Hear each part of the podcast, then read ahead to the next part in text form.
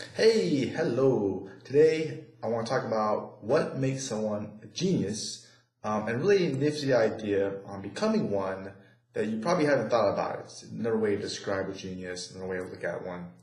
Uh, before I begin, down below there's a link in the description. And if you are interested in making money online or, or you are ma- making money online, uh, you really should check this link out. Okay, it, it helps you. Um, so why am I making a video on being a genius? I'm not am not a genius.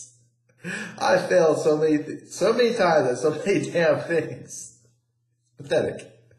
But I just got done reading this book on um, Obstacle is the Way. It's a really great book.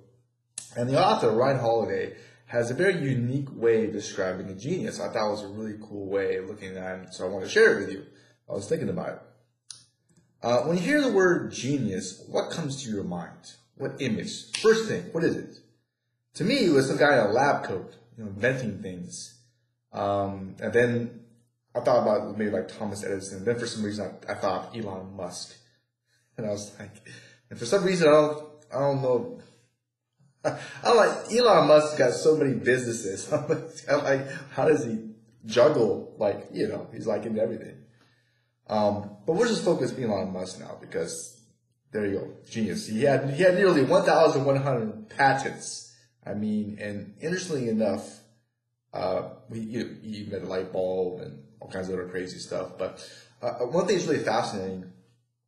I'm reading their book. I read a lot of books from Lori Greiner, who's that girl on Shark Tank, and she wrote this book about how to create things and, and, sell them and stuff or whatever. But she says that out of all the patents, one percent of them actually end up producing some product that's sold. Most people that file patents don't make nothing.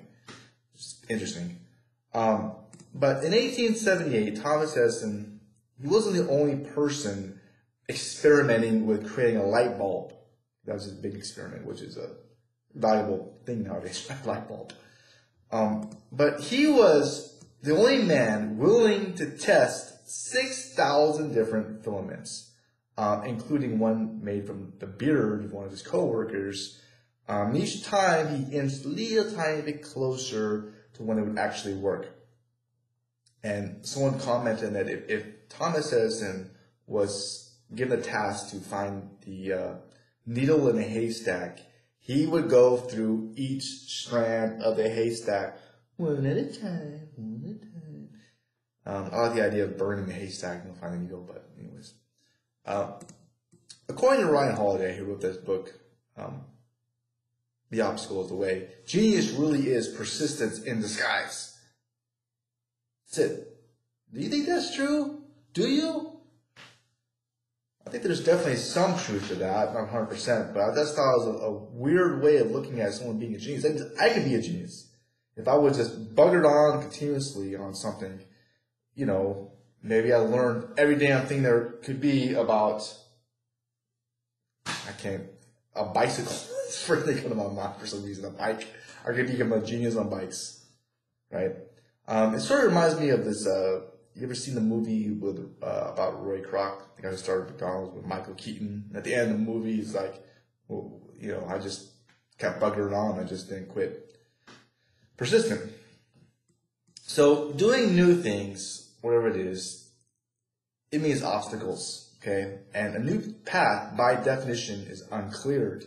Only with persistence and time uh, can we remove debris and get rid of the obstacles.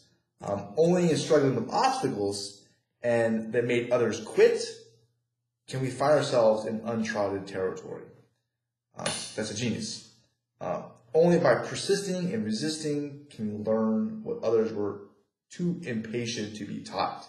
It's the patience of keep buggering on and the persistence that makes someone a genius. So it's okay to be discouraged. It's not okay to quit. Uh, to know you want to quit, but to plant your feet and keep inching closer until you take that fortress, but whatever it is that you wanted to invent or do in your life or whatever, that's persistence. And that's a huge key quality. And I agree with that. That's just according to Ryan Holiday.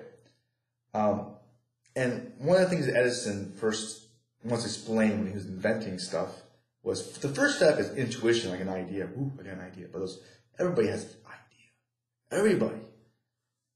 Implementing is everything. Um, and that comes with a burst. Then difficulty arises. Now, what set Edison apart from all other inventors out there is tolerance for these difficulties and the steady dedication which he applied himself to solving them. So, in other words, it's supposed to be hard, it's supposed to suck, but your first attempts aren't going to work. It's going to take a lot out of you. Um, so, the whole key is stop looking for an epiphany, epiphany, like this magical moment or this, you know, the one thing that's going to make everything work and, start looking for weak points and keep hitting it. Boom, boom, boom, boom, boom.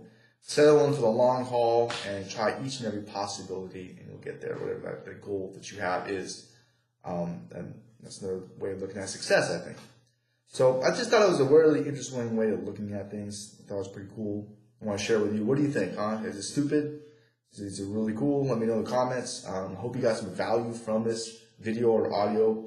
Um, like I mentioned earlier, if you're interested in making any type of money online, uh, I've been at it for a very long time. One of my old YouTube channels, I got millions of views and had a blog, blah, blah, blah. I barely made any money because I didn't know what I was doing.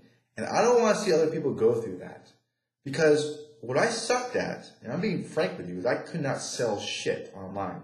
And that's really the most valuable skill. That's what everything comes down to. If you don't sell anything, it doesn't matter what you know, how good you are. Um, plus, there's a lot of money you can really make after that first sale. And there's a skill set there which is very valuable to know. Um, and that's why I'm a big believer. If you click that link below, um, you're going to understand how to do this. This will empower you in your own life on your online journey of whatever business that you want to do. So I hope you click that link below. Um, I'm sure you'll love it, and I, I really do wish you the best. Uh, thanks for watching, and take care.